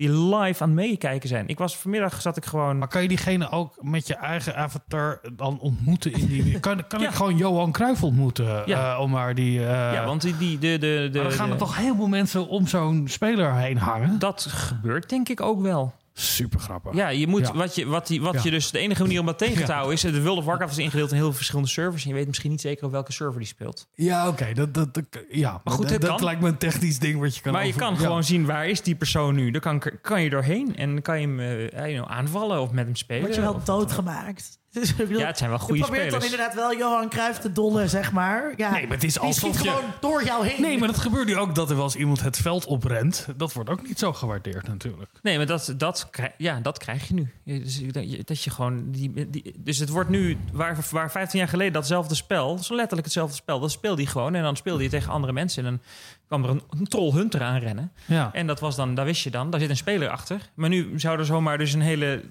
een heel, een heel publiek achteraan kunnen hangen. Ja. Who knows? Dat, dat, is, dat, is, dat is echt mind-blowing als je erover nadenkt. Dat ik gewoon midden op de, op de ochtend, of zeg maar eh, om Ja, maar dat 12 je- uur 's middags gewoon zit te kijken naar iemand die gewoon letterlijk alleen maar in zichzelf een beetje zit te, te neuzelen. En daar kijken 60.000 mensen naar. En allemaal tegelijk allemaal chatten, chatten, chatten. En hij eh, reageert af. Ja, maar je kan als op. speler dus naar die speler en gezien worden um, door die 60.000 of misschien wel nog veel meer volgers. Dat zou kunnen, ja. Ja, als ja. je weet waar die is. Je kan, omdat je gewoon letterlijk ziet in beeld waar die is. Dit is een persistente wereld. Dus dat is echt een enorme wereld. Dus je kan gewoon letterlijk naar die locatie lopen. Want je weet waar die is. Het is alsof je gewoon iemand hier buiten met een live cameraverbinding ziet door de stad ziet lopen. Op tv. ja, maar dat, dan kan je daarheen. Die vergelijking dringt zich ook weer Ja. zo op. Hè? Als je als bekende eh, Hollywoodster hier eh, over de Kalfstraat loopt, heb je ook allemaal mensen die met je meelopen. Dat zou daar dan Ja, maar, ook. die, maar die Hollywoodster, die is niet op dat moment aan het livestreamen. Eh, nee, dat is waar. Dus het is, het, is, het, is, het is en die ster en dan ook nog eens een keer dat er Maar, maar, maar dat, we, dat we dus zeg maar ook. Eh, dat we dus een deel van, van ons zeg maar vermaak ook gewoon uitbesteden aan andere mensen. Dus ook interessant. Gewoon dat je in plaats van dat je zelf computergames speelt, hebben we maar geen tijd voor en weet ik veel wat. Of ik ben aan het werk, maar ik, ik heb eigenlijk ook. Ik kan gewoon iemand anders laten spelen, zodat ik in ieder geval wel het gevoel heb ik speel. Want het lijkt, het voelt wel aan alsof je zelf speelt, omdat het niet absolute topspel is, maar gewoon iemand die een beetje aan het rommelen is. Het is alsof je met, met een vriend op de bank zit die een beetje aan het spelen is. Wat ook trouwens is, ik denk dat ook veel mensen die, die eh, of luisteraars misschien die, die, niet zo, die, die niet zo bekend zijn in deze wereld, die begrijpen ook vaak niet dat, ehm, dat als je aan het gamen bent met een, je kan dus gamen met een groepje. Ja. En dan ben jij niet aan de beurt. En dan kijk je gewoon hoe andere mensen spelen. En sommige mensen in dat groepje, die spelen zelf eigenlijk niet zoveel. Want die zijn niet zo goed, maar die vinden het wel leuk om naar anderen te kijken. Ik heb, in, ik heb in mijn werkgroepen heb ik vrij veel studenten die ehm, niet zelf spelen, maar wel spelletjes heel leuk vinden. En dan ook letterlijk het erover hebben van ja, we, we hebben laatst Zelda uitgespeeld. Ja, ik niet hoor, mijn vriend. Oké, dus dan heb je let, gewoon op de bank het hele, het hele spel meegekeken. Maar, niet zelf gespeeld. Maar ze- zeker. Maar wel, ehm, zelf, maar wel zo beleefd. Ja, dus, dus bijvoorbeeld met, eh, met eh, Grand Theft Auto, eh, eh, eh, wat ik op zich wel wilde spelen, maar jongens zijn gewoon vaak niet zo aardig. En die geven dan nooit de console, geven dan nooit meer de console af. Eh, dat deed mijn broer vroeger, moest ik vechten om, eh, om een plekje. Eh, maar mijn voormalige verkering die, die gamede, die was er ook niet altijd al te goed mee. Eh, maar ik heb heel veel van Grand Theft Auto is gewoon een soort film ook, weet je wel? Dus Ja. dus dan kijk je ook met een half oog mee van wat er nu gebeurt. Oh, je bent nu deze quest aan het doen. Dat is ook wel gewoon interessant. Ja, en zo is het ook gemaakt. Het is spectaculair gemaakt. Hè? Dus, dus moderne spellen worden ook gemaakt zodat het lekker streamt. Dat betekent bijvoorbeeld ook dat in de user interface er nergens in de hoek of zo belangrijke informatie zit. Want ergens moet die bakkers van die streamer in. Daar moet een frame in. Oh, dus oh, dat, dat, dat vind ik heel interessant. Ja, dus er wordt je- over ja, nagedacht. Het is heel logisch. Ja, maar, dus er wordt over nagedacht dat ja. het wat je ziet interessant genoeg is om. En ook bijvoorbeeld, eh, we hoorden net. Bij even een fragment hoorde je net de tune in ieder geval van Overwatch. Het spel werd niet ge- genoemd. Maar Overwatch heeft een hele soort van revamp van zijn user interface ge- gehad. Zodat het in zo'n hele grote chaotische 5 tegen 5... weet je, Allemaal vliegen allemaal special effects rond en raketten en van alles nog wat dat het in de user interface duidelijker is wat er gebeurt. Niet voor de spelers, maar voor de kijkers. Dus de, dus de makers weten dus dat ze als ze een spel maken, dat ze, het dus, dat ze het dus ook maken voor mensen die meekijken.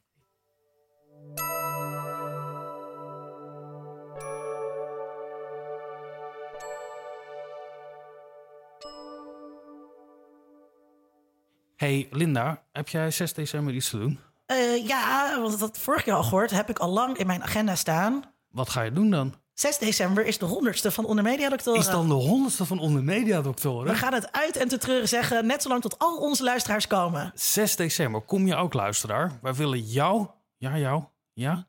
Nee, jij, jij echt, jij, jij, jou willen we ook heel graag ontmoeten. Tot dan!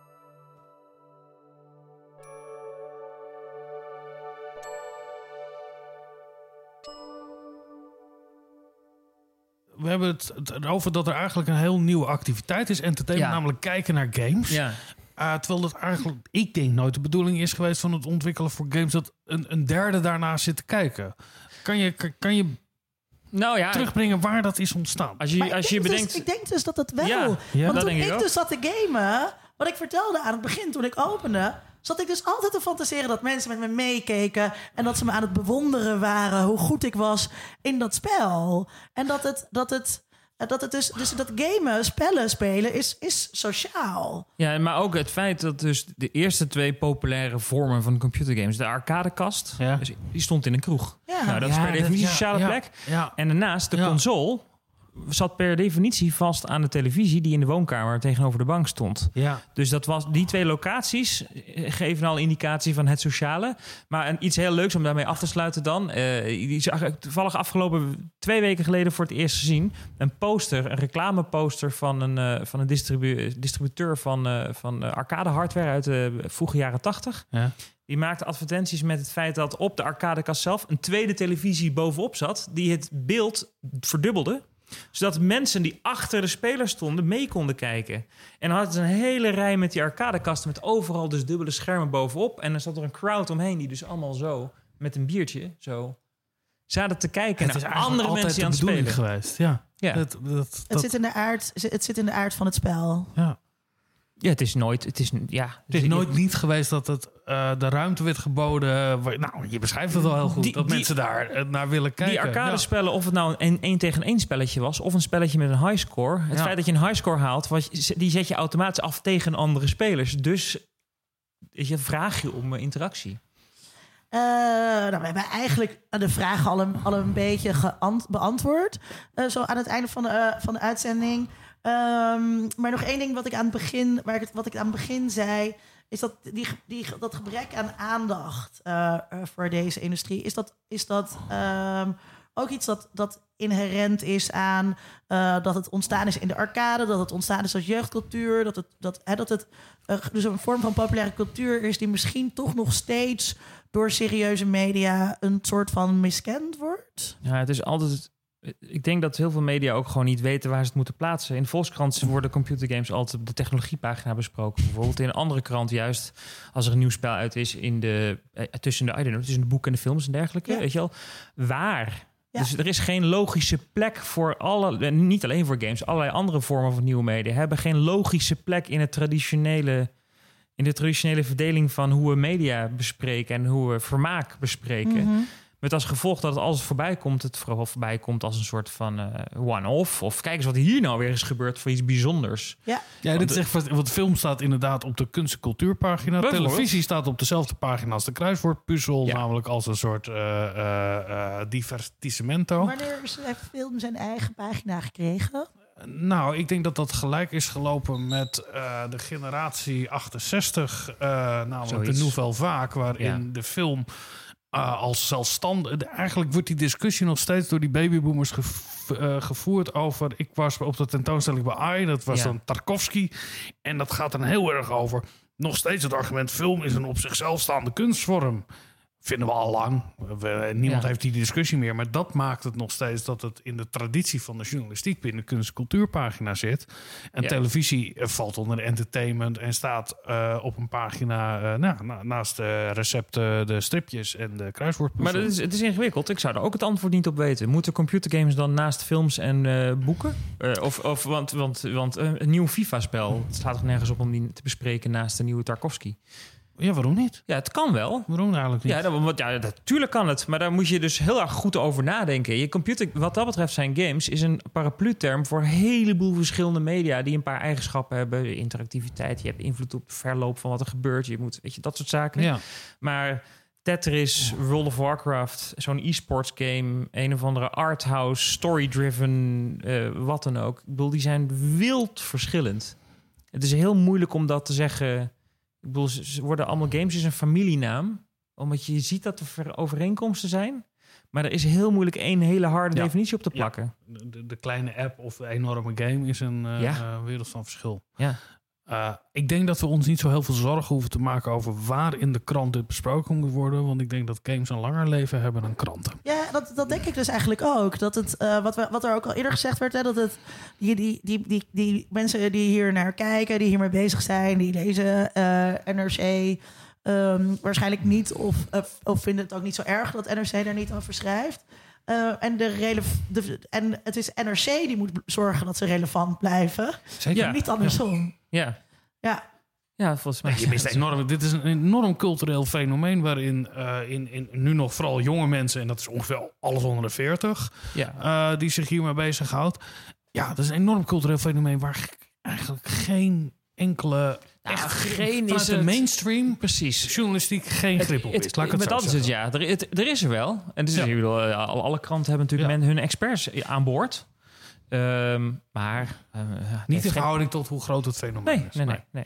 U hoorde toch hier bij Onder Media Doctoren in aflevering 94 van onze podcast. Ben je student en wil je je ook verdiepen in onderwerpen die mainstream media laten liggen? Meld je dan aan als vrijwilliger. Dat kan nog een paar weken. Kijk op ondermediadoctoren.nl voor de vacatures.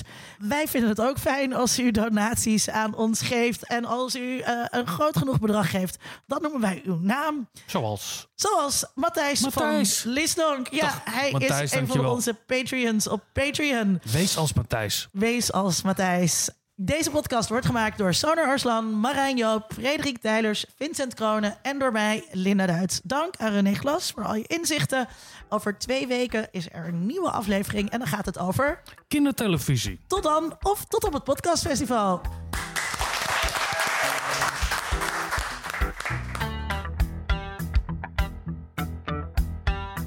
Onder Mediadoktoren is een podcast van Vincent Kronen en Linda Duits. Meer informatie vindt u op ondermediadoktoren.nl.